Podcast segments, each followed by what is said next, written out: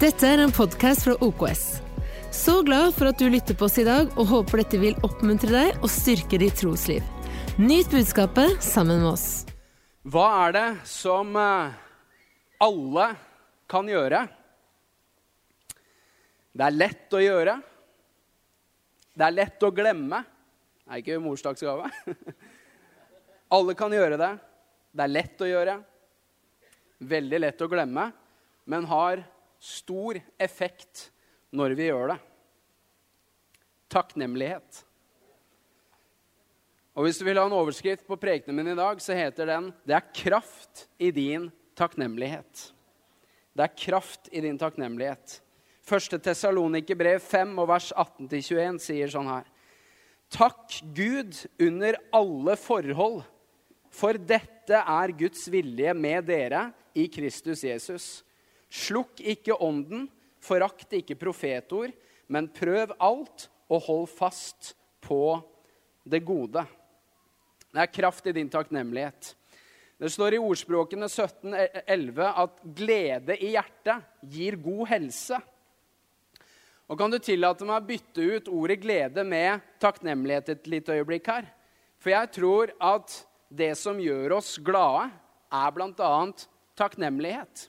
Det står ikke her hva som gjør deg glad. Det bare står at hvis du har glede i hjertet ditt, så gir det deg god helse. Ofte tror jeg vi mennesker tenker at nei, jeg må først være lykkelig. Og når jeg er lykkelig, og når jeg er glad, da kan jeg uttrykke min takknemlighet. Og det, det er noe ved det også. Men jeg tror at veldig ofte så er det motsatt. Nemlig at det å åpne opp øynene for alt Gud og mennesker har gitt meg, og begynne å takke Gud for det, det gir glede i hjertet. Og glede i hjertet det gir god helse, sier Bibelen. Og Nå er det Guds ord jeg skal forkynne til deg her, men i de siste dagene så har jeg lest en hel del artikler, lytta til en del eksperter som har forska på takknemlighet. Og visste du Det at det, er forska vanvittig mye på eh, takknemlighet. Eh, forskning sier at eh, mennesker som systematisk og aktivt praktiserer takknemlighet Forskningen sier at de menneskene har færre symptomer på sykdom man har bedre søvnkvalitet. Det frigjør dopamin i kroppen. Man har økt energinivå. Mer, man er mer sosial. Man blir mer tilgivende av det. Mer hjelpsom. Du får en økt tilfredshet, og det reduserer stress, misunnelse og depresjon. Og en, en, sånn interessant forskningsrapport jeg leste om takknemlighet eh, Og det er ikke engang takknemlighet til Gud, det er bare å være takknemlig for livet, takknemlig til mennesker rundt seg. En sånn forskningsrapport jeg leste, det var at eh, mennesker som begynte å skrive en takknemlighetsdagbok, de reduserte sin depresjon med mer enn 30% i løpet av studiene. Eh, og det er ikke rart Bibelen sier 'glede i hjertet gir god helse'. Og da, da er min påstand her at hvordan bli glad? Eh, må du liksom være lykkelig og ha fått alt du, du ønsker, ønsker deg i livet, og så kan du være takknemlig for det? Nei, det er mer sånn Åpne opp øynene for det du allerede har fått. Begynn å uttrykke takknemlighet for det, og du kjenner gleden den kommer. Du skjønner lovsang, som vi praktiserer nå, å prise Gud. Hva er det for noe? Det er takknemlighet, og du kjenner gleden den reiser seg på innsiden. Eh, og hva gjør glede med deg? Jo, det gir god helse. Og jeg skal ta utgangspunkt i de neste 35 minuttene her ut ifra den teksten som jeg leste for deg, 1. Tessalonikerbrev 5 og vers 18-21 nå. Og det første punktet mitt der, det er at takknemlighet det er alltid Guds vilje for deg. Jeg sa det ble enkelt. Fordi Guds ord sier her 'takk Gud under alle forhold'. Og så står det 'dette er Guds vilje med dere i Kristus Jesus'. Så jeg vet hva som er Guds vilje for ditt liv, uansett hvilke forhold du befinner deg Hva er det for noe? Takk Gud under alle forhold. Dette er Guds vilje med dere i Kristus Jesus. Så det er alltid Guds vilje å takke. Og vet du hva? Sanne ord i Bibelen som sier rett ut hva Guds vilje er for oss, uavhengig av hvilken sesong vi lever i. Sanne, sanne Gudsord er til en vanvittig hjelp når man også står fremfor tøffe veivalg i livet, hvor man ikke vet hva man skal gjøre. Eh, det kan være en diffus sesong. Du lurer på skal jeg gå til høyre, skal jeg gå til venstre. Eh, det kan rett og slett være mørkt, og du, du, ser ikke hele veien, og så lurer du på hva, Gud, hva skal jeg gjøre? Vel, da, da har jeg en skikkelig oppmuntring til deg. At det er Guds vilje for deg i hvert fall å takke. Å takke. Takk Gud under alle forhold. Dette er Guds vilje med dere i Kristus Jesus. Og kanskje du eh, befinner deg i et sånt veikryss i livet. Kanskje du er i en sånn sesong i livet hvor det er mørkt, det er diffust, du veit ikke hva Guds vilje er. Vel, her er min oppmuntring til deg. Det er Guds vilje for deg å takke. Og i Salme 119 og vers 105 så står det sånn her Ditt ord er en lykt for min fot og et lys på min sti.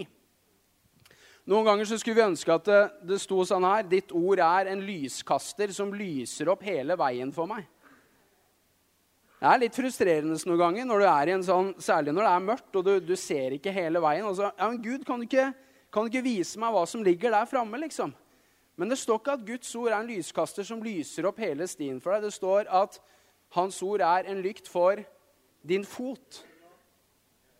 På din sti.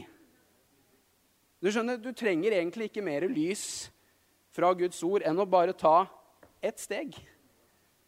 Ja, men jeg ser ikke hele veien. Det er mørkt, Trond Egil. Er det mørkt? Ok, kan vi skru av lyset på scenen her? Kanskje du er i en sånn sesong i livet. Det er mørkt. Jeg ser ikke. Og jeg hører du sier at Guds ord er en lykt for min fot. Men jeg ser ikke hele veien, Trond Egil. Nei, men du skjønner, Gud han vil at du skal stole på at det lyset du har i Hans ord, og, og, det lyset som jeg håper kommer til deg, som er i en mørk fase i livet ditt nå, er det er alltid Guds vilje for deg å takke. Takk Gud under alle forhold. Dette er Guds vilje for dere i Kristus Jesus. Jeg tror det ordet kommer og gir, deg, gir noen lys nå, hvor du er i en mørk sesong i livet. Ja, ok, Jeg skjønner det, Trond Egil. Jeg skal takke. Men jeg, jeg, ser jo ikke hele veien. Jeg skal jo langt der borte. Der borte er løsningen min. Jeg, jeg er her. Jeg, jeg ser ikke hele veien. Nei, men hva skjer hvis, hvis du, du, har lys til foten din, på stien din? Hva skjer hvis du handler på det lyset du ser nå, som, som er Takk Gud under alle forhold. Dette er Guds vilje for dere i Kristus Jesus. Hva skjer hvis du flytter foten din med utgangspunkt i det lyset? Jo, la meg vise deg hva som skjer. Du, ser du hva som skjer? Du skjønner, lyset flytter seg i takt med at jeg handler på det lyset jeg har. Ja, Men jeg ser ikke hele veien, Trond Egil. Det, det blir liksom, Hvis du skal kjøre fra her, Kjeller, og opp til Trondheim, og du setter deg i bilen, og det er mørkt, og så skrur du på bilen og setter på langlysene, og så sitter du og, og sier til meg du, Trond Egil, jeg tør ikke å kjøre helt opp til Trondheim, for jeg, jeg ser bare 150 meter av veien. Så jeg, jeg, jeg, har ikke nok lys. Vet du hva jeg ville sagt til deg? Nei, Bare begynn å kjøre, du. Så flytter kjørelysene, langlysene, de flytter seg i takt med at du beveger deg i det lyset du har. Og du skjønner, Guds ord sier, 'Takk Gud under alle forhold'. Dette er Guds vilje med dere i Kristus Jesus. Og hva, hva skjer? Jo, du skjønner, du kommer fram til slutt. Ja, men jeg ser ikke Nei, men takk Gud under alle forhold. Dette er Guds vilje for dere i Kristus Jesus. Bare takk Gud. Og så skal du se at han lyser opp stien for deg. Han lyser opp hele stien for deg. Og vet du hva? I, vi kan få på lyset igjen. I apostlenes gjerninger Takk. I apostlenes gjerninger 16 og vers 25-26 eh, en eh, mektig demonstrasjon av det jeg snakker om nå. At det er alltid Guds vilje for deg og meg å takke, uansett forholdet vi befinner oss i. Og Her står det sånn her om Paulus og Silas.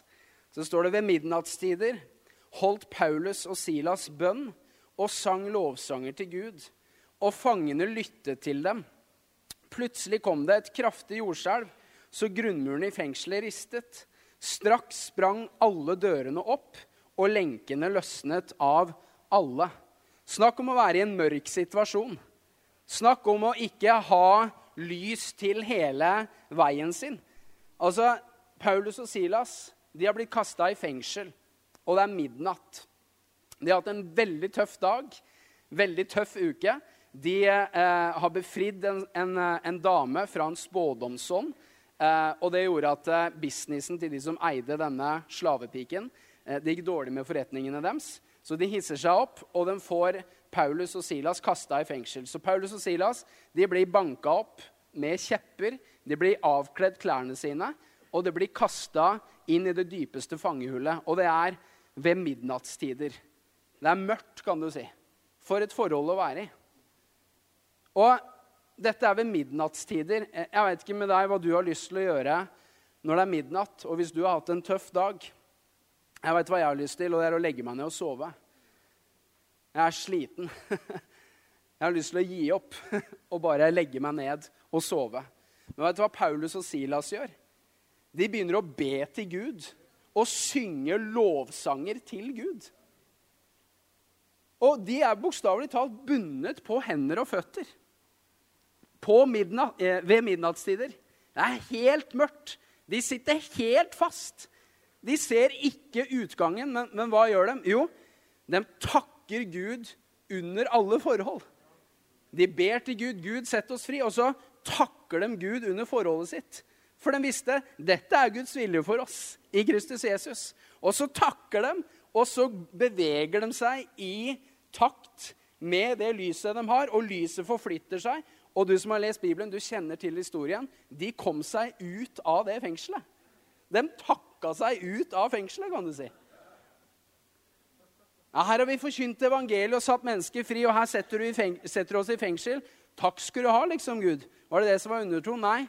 De ba til Gud og sang lovsanger til Gud ved midnattstider. Og hva skjedde? Jo, de kom seg ut. De kom seg ut. Takk Gud under alle forhold. Dette er Guds vilje med dere i Kristus Jesus. Og jeg tror noen i rommet her kjenner du får håp nå. Du veit ikke hva du skal gjøre, og her er Guds ord til deg. Du skal takke Gud under alle forhold.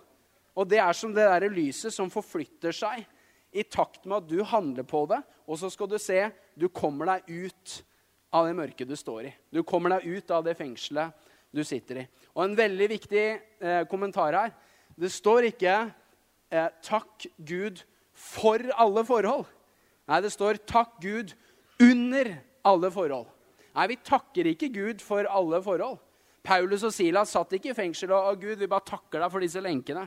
Priser deg for det mørke fengselet her og de rottene som driver og flyr rundt og gnager på beina mine i stokken her. Takk, min Jesus, du er god, liksom. Nei, de ba og sang lovsanger til Gud. Hva er det de ba om? Gud, sett oss fri. Men før bønnesvaret manifesterte seg, så begynte de å takke for at bønnen var hørt. Og de begynte å takke og prise og lovsynge Gud. Og så står det plutselig, plutselig så kom det et mektig jordskjelv. Og hva skjedde? Jo, Gud skaka grunnvollen i fengselet. Lenkene løsnet opp, dørene sprang opp, fangene ble fri. De kom seg ut av fengselet. Takk Gud under alle forhold. Dette er Guds vilje for dere i Kristus Jesus. Og vet du hva? Punkt to takkelisten er lang. Fordi hvis Guds ord sier til deg og meg at eh, vi kan takke Gud under alle forhold, vet du hva det betyr? Det betyr at jeg og du har alltid noe å være takknemlig for. Jeg sa det ble enkelt. Det er lett å gjøre. Alle kan gjøre det, men det er lett å glemme men det har en vanvittig kraft i seg. Det er kraft i din takknemlighet. Og takkelisten er så utrolig lang. Takk Gud for at du er Guds barn. Du er frelst. Du hører til en menighet. Barna dine, familien din, ektefellen din, hjemmet ditt, huset ditt. Uh, det er så lang takkeliste. Og vet du, Det er så mange ting som vi kan ta for gitt her i livet, men som Gud fortjener æren for. Vet du, til og med hvis du har lyktes på jobben, og du er en, en velstående person, du, du, er en hardtarbeidende person som har masse rikdom i livet ditt Vel, Guds ord sier du kan si i ditt eget hjerte at det er min egen kraft som har vunnet den rikdommen. Men husk Herren din Gud, for det er Han som gir deg styrke til å vinne rikdom. Du skjønner, Selv den, den rike, hardtarbeidende, ja, selv det er av Gud. skjønner du. Hør på det verset her. Det står i 1. Korinterbrev 4,7. Hva har du som du ikke har fått? Og har du fått noe, hvorfor skryter du som om du ikke har fått det? Du skjønner, alt er en gave fra Gud. At du puster, at du lever. Så takkelisten er utrolig lang. Og jeg har lest en bok i det siste som handler om hvordan eh, troen på Jesus har forvandla eh, verdenshistorien de 2000 siste årene. Utrolig spennende å se eh, hvordan kristne mennesker pga. sin tro på den oppstandende Jesus og sin etterfølgelse av han, var motivert til å forvandle denne verden til et bedre sted.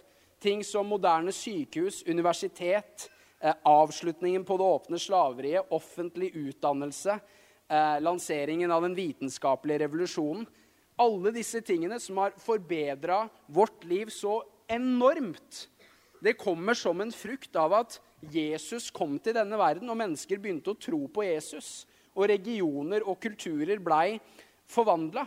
Og det jeg skal si nå, det er litt sånn svimlende. Jeg håper det er ok for deg med ett minutts 2000 år tilbake i tid. For det eh, punktet mitt her, det er takkelisten er enormt lang. Det er vanvittig mange ting som vi har å takke Gud for. Og her er et bilde av hvordan ditt liv ville ha sett ut i en hvilken som helst tidsperiode hvis det ikke hadde vært for at Jesus kom, og at mennesker begynte å tro på Jesus og følge etter Jesus. Her er et bilde av hvordan mitt og ditt liv ville ha sett ut. Du ville aldri ha tatt deg en varm dusj. Ingen sosiale medier, YouTube, TV, radio, telefon eller PC. Ingen elektrisitet, ingen varme. Eh, du har sett slektninger og søsken dø i hjemmet ditt under barndommen din. Er du så heldig å ha levd lenger enn ti år, så blir du maks 40 år. Uansett din rase eller hudfarge er det stor sannsynlighet for at du er en slave.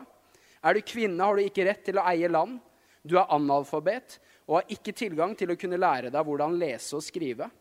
Du har ikke tannlege og vil miste mange av tennene dine før du er fylt 30 år. Du spiser den maten du kan dyrke fra jorden, høste fra dyrene eller tilegne deg via byttehandel. Du drar vann fysisk opp fra en brønn, gravet i bakken, eller bærer det fra en innsjø, strøm eller elv. Du har ingen moderne rørlegger. Takk Gud for rørleg rørleggere. Og har ofte diaré fordi avføringen kom i kontakt med drikkevannet deres, og du har ikke kunnskap om hvordan dette forurenser vannet deres. Du har ett til tre sett klær. Jeg er snart ferdig her. Du lider ofte av sultsmerter pga. sultkatastrofer. Du ser familiemedlemmer ofte dø av epidemier. Eh, og mange mennesker det er veldig vanlig å tenke det er assosiert med onde ånder som straffer deg. Eh, du arbeider med hendene dine fra soloppgang til, eh, til solnedgang. Jeg stopper der og kunne lest opp 15, 15 punkter til. Sånn, nå kan du puste ut. Velkommen tilbake til den moderne verden. Og hvorfor, hvorfor, har vi det så godt vi har i dag? Det er umulig å forklare det uten å peke på Jesus har vært der. Og mennesker som bidro til disse endringene, de privilegiene, de fordelene som vi tar så for gitt. Vet du hva? Det er bare å prise Gud og gi han ære for det. Takkelisten er utrolig lang. Takk Gud under alle forhold. Ja, det må bety vi har alltid noe å takke Gud for. Det fins alltid noe i ditt liv å gi Gud ære for. Det er det som gjør det mulig å praktisere det. Og husk på budskapet er ikke 'takk Gud for alle forhold'. Nei, takk Gud under alle forhold. I enhver sesong, i ethvert forhold, fins det noe å takke Gud for. Det er kraft i din takknemlighet. Punkt nummer tre takknemlighet forvandler ditt perspektiv. Det endrer bokstavelig talt synet på livet. Efeserbrevet 5 og vers 4 sier rått snakk, dumt prat og grove vittigheter er også upassende. Si heller takk til Gud. Dumt prat, hva er det for noe? Jo, noen ganger så er det der selvsnakket vårt der vi egentlig driver og syns synd på oss selv, men hvor vi egentlig burde fått opp øynene for hvilket privilegium det er, det som vi driver og syns synd på oss selv for. Jeg husker jeg hørte en preken av Ann Pretorius, mannen til nå avdøde Peter Pretorius. Hun er forresten en fantastisk forkynner. Og Hun holdt en preken om, om det her med at takknemlighet gir deg perspektiv på livet. Og Hun fortalte eh, fra sitt liv hvor eh, mannen hennes hadde sikkert 300 reisedøgn i året. Og Jeg husker ikke hvor mange barn de hadde på det tidspunktet. Fire-fem barn. Og så sa hun at det var en tøff periode. Det krevde mye av henne. Men forteller at eh, en dag eh, hvor hun ser alle skoene til ungene ligge slengt i gangen Noen mødre og fedre som kjenner seg igjen her. Og du har den haugen med skittentøy.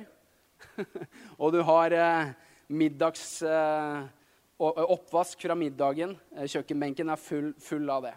Og så begynner hun å komme inn i litt sånn klage og, og syns synd på seg sjæl-modus. Ingen av dere som kjenner dere igjen i det? Åh, kan de ikke lære seg å sette skoa ordentlig? Så mye oppvask, så mye skittentøy. Og, og begynner å synte skikkelig synd på seg sjæl. Jeg får låne koseputa mi.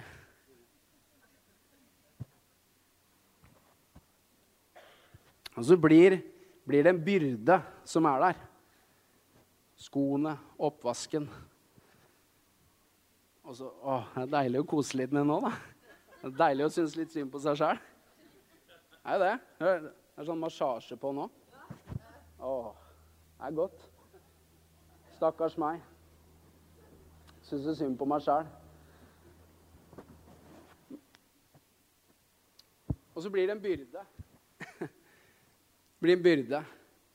Og så forteller Anne Pretorius, mens hun driver og syns synd på seg sjæl og har sånn pity party, som det heter, så begynner Den hellige ånd å tale til henne og sier, 'Ja, men Anne, tenk om barna dine ikke hadde hatt sko, da?'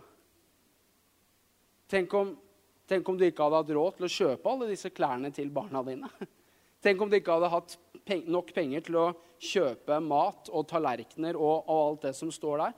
Og hun sier hele perspektivet hennes forvandrer seg. Det er, det er som å drive og ha den koseputa her og, og synes synd på meg sjøl og så Nei, takk, Jesus. Takk, Jesus.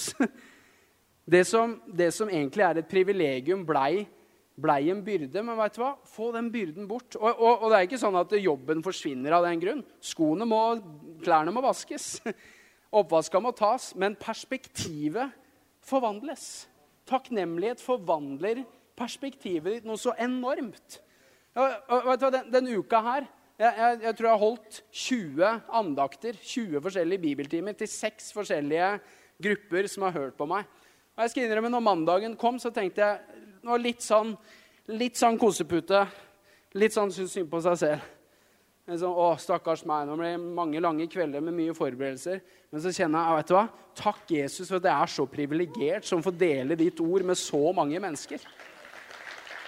Og, og jobben, jobben, må gjøres. Prekenene må skrives. Bønnene må bes. Jeg må forberede meg. Det er bare at jeg gjør det med et helt annet perspektiv. Du skjønner, Takknemlighet forvandler ditt perspektiv. Hva er det i ditt liv som egentlig er et privilegium? men som du klager over. Ja, vet du hva? Begynn heller å takke. Takk Gud for det som fins å takke for. Og så skal du se det gjør noe med ditt perspektiv. Det gjør rett og slett, det tar bort noe av byrden og gjør det lettere for deg. Det er kraft i din takknemlighet.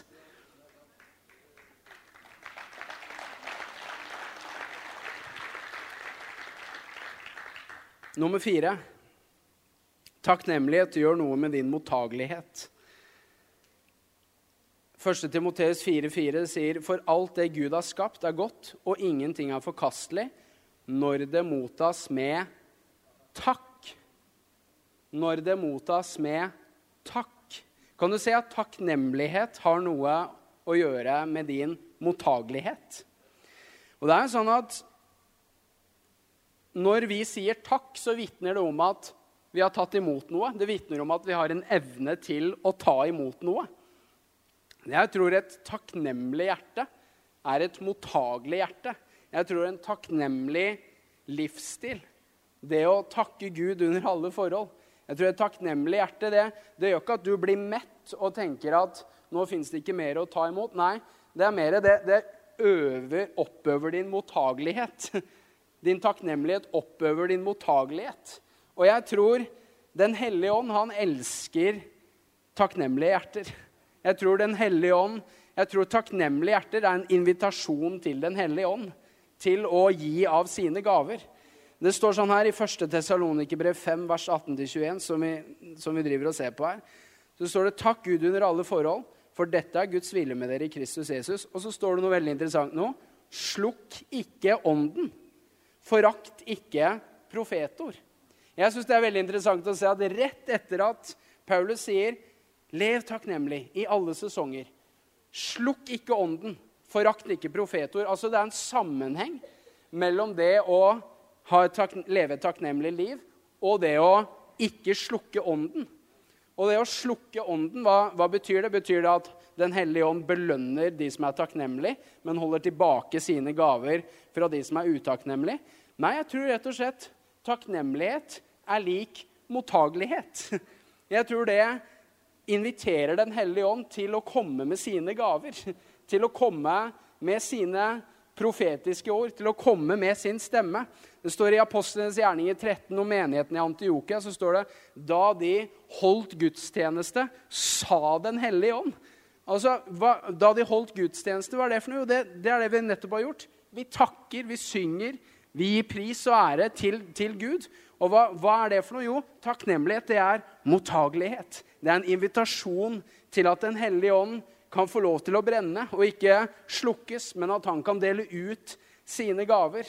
Og vet du, Det er så spennende å oppleve det her i, i, i mitt eget liv. Bare for å, å dele et vitnesbyrd med deg fra mitt eget liv, så kan det inspirere deg. Men, men, det hender noen ganger i mitt liv at jeg opererer i det som Bibelen kaller for kunnskapsord og nådegaver til å helbrede. Jeg har faktisk sett det øke litt i mitt eget liv bare det siste året. Eh, og det, det, for deg som er fremmed for det, så er det rett og slett at eh, Den hellige ånd eh, gir deg informasjon, eh, begynner å fortelle deg om ting du ikke har naturlige forutsetninger for å kunne vite. Eh, og, og, så kan du formidle ting til mennesker og hjelpe, hjelpe, mennesker på den måten. Og jeg opplever det noen ganger. At Den hellige ånd sier til meg det sitter noen her med nedsatt verdi i leveren sin. Altså, nå tenker jeg ikke her, men jeg tenker på en gudstjeneste i Groruddalskirken som vi hadde for ett år siden. Så opplever jeg det. Jeg var til og med ikke den som skulle preke, jeg var møteleder. Eh, og opplever Den hellige ånd sier det til meg. Og jeg tar mikken og sier eh, det er noen som har eh, nedsatte verdier i leveren sin her. Du har leversvikt. Men Jesus helbreder deg nå. Og Rapporten har kommet tilbake, og verdiene har normalisert seg. Hatt leversvikt i mange mange år. Eh, men, men, det som skjer, det er, og veldig ofte opplever jeg det sånn, det skjer når jeg står og takker Gud. Det, det, det skjer ikke ved at jeg står og sier, 'Gud, nå må du gi meg noe, nå må, gi, nå må du gi meg noe.' Gi meg noe, gi meg noe. Nei, det, det skjer sånn her. 'Takk, Jesus. Jeg takker deg. Du er god. Takk for den du er. Jeg priser deg.' Og så kommer det. Takknemlighet gjør noe med din mottagelighet, skjønner du. Det, det gjør deg ikke mett, nei, det, det gjør deg mottagelig for mer. Så takk Gud under alle forhold. Dette er Guds vilje for dere i Kristus Jesus. Slukk ikke ånden. Med andre ord det som gjør at Guds ånd kan brenne i meg og i deg og i vår forsamling, det er bl.a. et takknemlig hjerte. Fordi et takknemlig hjerte, det er et mottagelig hjerte. Amen. Det gjør noe med din takknemlighet. Alt mottas med takk som Gud har skapt, sier Paulus. Det er kraft i din takknemlighet. Og det siste punktet her, det er takknemlighet er troens språk. Takknemlighet er et uttrykk for din tro. En måte å praktisere tro på. Akkurat som Paulus og Silas som sitter i fengselet de var i bønn og i lovsanger, men de er bundet på hender og føtter. Men de synger lovsanger. De takker Gud i sitt mørke, i sitt fangenskap. Hva er det for noe? Jo, takknemlighet er troens språk. Det er en måte å bruke troen din på. Du er en troende, du har fått tro, men den troen må forløses, den må brukes. Og takknemlighet er en måte å bruke troen din på. Takknemlighet er troens språk. Og det står sånn her om Jesus i Johannes 11 skal avslutte med, med bl.a. det her. Historien den er at Jesus han vekker opp Lasarus fra de døde. En ganske mektig mirakel. Eh, og Det fins masse spennende å lære der. og La oss se hva vi kan lære om at takknemlighet er troens språk ut ifra måten Jesus eh, bruker sin tro på her. Det står i Johannes 11, og vers 39-41. Jesus sier, 'Ta steinen bort, Herre', sier Martha, den døde søster. Det lukter alt av ham. Han har jo ligget fire dager i graven. Jesus sier til henne, 'Sa jeg deg ikke at hvis du tror, skal du se Guds herlighet?' Så, så tok de bort steinen. Jesus løftet blikket mot himmelen og sa, Far, jeg takker deg fordi du har hørt meg.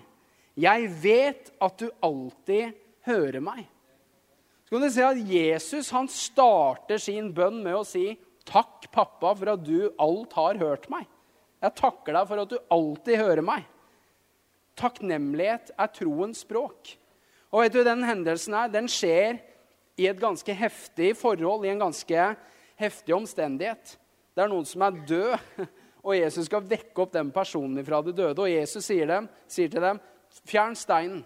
Rull bort steinen.' Ja, 'Er du seriøs, Jesus? Han har ligget der i fire dager.' 'Få bort steinen.' Ja, men han stinker allerede, sier Martha. Og de åpner opp steinen, og jeg kan fortelle deg, det kom en stank ut av den graven. En som har, en som har ligget og råtna der i fire dager. Det lukter. Så Jesus han står bokstavelig talt og er omringa av en stank. Han er i stinkende omgivelser, rett og slett. Men hva gjør Jesus i de stinkende omgivelsene?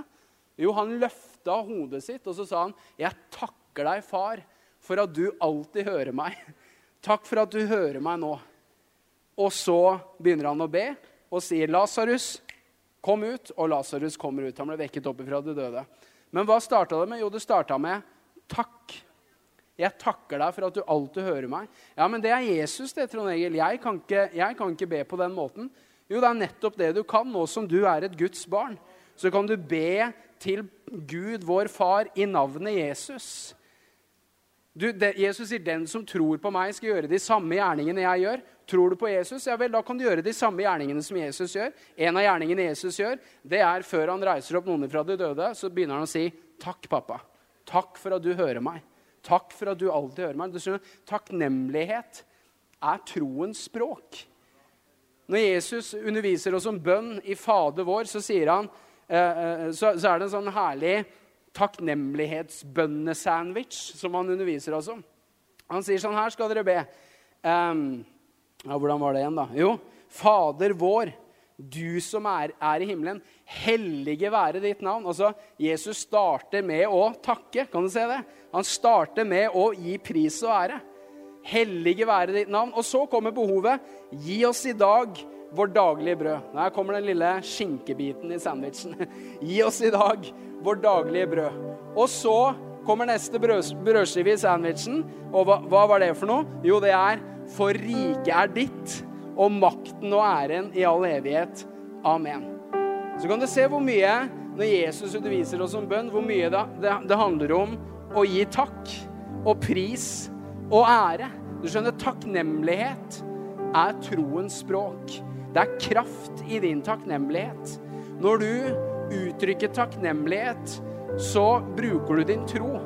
Og jeg har fire minutter igjen, og jeg rekker akkurat det her. For det, det her er så utrolig bra. Et, nok et vanvittig mektig eksempel på hvordan takknemlighet er troens språk, og hvordan det er kraft i vår takknemlighet. Helt til slutt her, la meg bare lese fra romerbrevet om Abraham. Når Abraham fikk sitt gjennombrudd, når Abraham fikk se oppfyllelsen av det løftet som Gud hadde gitt ham, som var at han skulle bli far til mange folkeslag, hvor han er barnløs. Og Gud gir Abraham et løfte og sier, du Abraham, du skal bli pappa til mange mennesker. Men han er barnløs, han er 100 år gammel, og kona hans sitt morsliv er utdødd, står det. Eh, men der står han med et løfte fra Gud om at jeg skal bli far til mange folkeslag. Vel, hør på det her. La, la oss se at det, at Abraham ga Gud ære, at Abraham praktiserte takknemlighet Takknemlighet er troens språk. Det var faktisk noe av det som gjorde at Abraham fikk se oppfyllelsen av det løftet Gud ga han. Det står sånn her i Romerbrevet 4 vers 18-21, så står det Da alt håp var ute, trodde han med håp at han skulle bli far til mange folkeslag etter det som var sagt. Slik skal din slekt bli. Han ble ikke svak i troen og var ikke opptatt av sin egen kropp, som allerede var utlevd, siden han snart var 100 år. Heller ikke var han opptatt av Saras døde morsliv. Han tvilte ikke i vantro på Guds løfte, men se hva det står. Men han ble styrket i troen i det han ga Gud ære. Og han var helt overbevist om at det han hadde lovt, det var han også i stand til å gjøre. Lær av Abraham her. Og for en setning i Rombrevet 4,18. Da alt håp var ute, trodde han med håp. Det er en litt spesiell setning. Da alt håp var ute, trodde han med håp. Du skjønner, du kan ikke ha tro uten å ha håp. For det tro er full visshet om det vi håper på. Du skjønner, din tro henter næring fra ditt håp. Her, men her står det alt håp var ute. Men da trodde Abraham med håp. Hva betyr det? Jo, naturlig sett. Gud har gitt Abraham et løfte. Du skal bli far til mange folkeslag. Men Abraham er 100 år. Viagra hadde ikke fungert. Unnskyld. Jeg må bare holde deg våken de siste to minuttene her. Det var dødt. Han er 100 år gammel. Alt håp var ute. Saras morsliv er dødt. Det er det det betyr. Alt håp var ute. Du skjønner, naturlig sett, med det menneskelige, naturlige håpet, så var det helt ute. Han hadde absolutt ingen muligheter.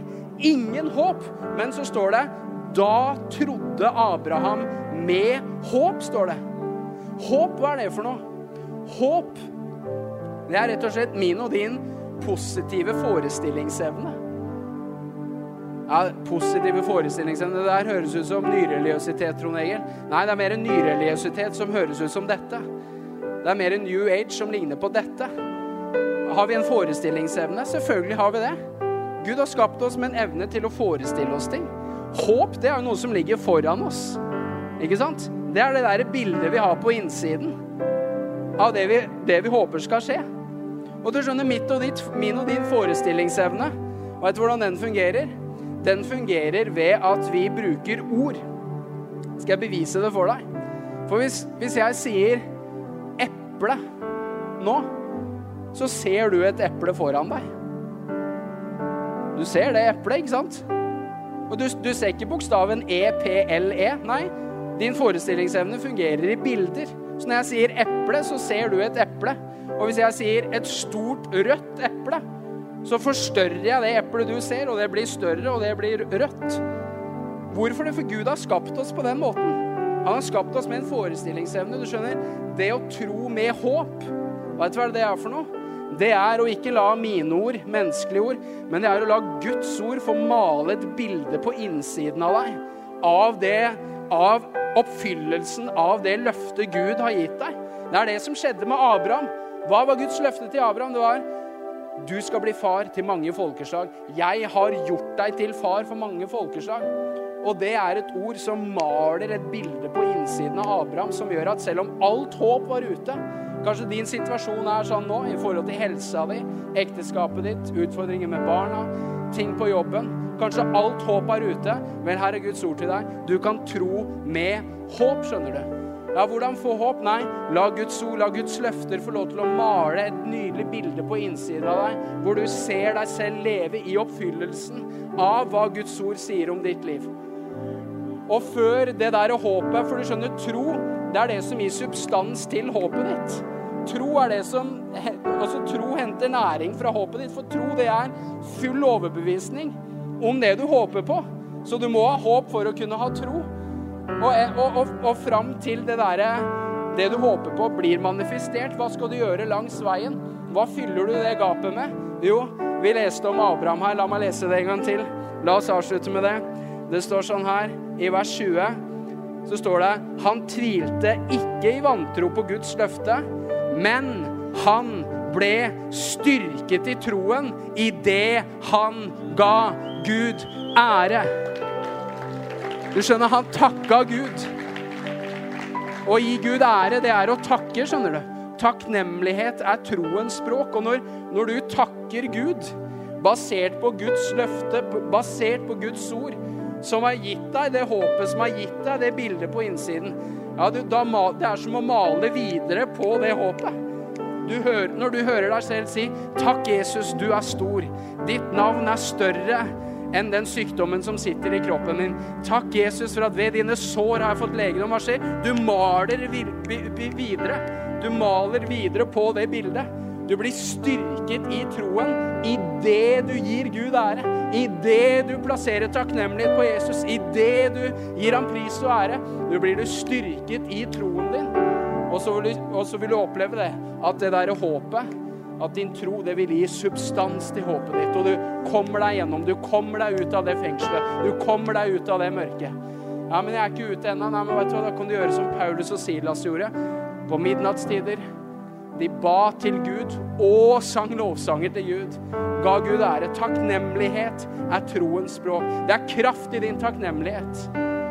Det er kraft i din takknemlighet. Det er voldsom, mektig kraft i å plassere takknemlighet på Jesus Kristus. I det gapet du står i, på vei mot det bønnesvaret ditt. Takk for at du tok deg tid til å lytte på en av våre podcaster fra OKS. Vår visjon er å bringe Jesus til mennesker i vår verden, og mennesker i vår verden til Jesus. Følg oss ellers på vår YouTube-kanal og sosiale medier. Du er velkommen til å besøke en av våre kirker. For mer informasjon, sjekk ut oks.no.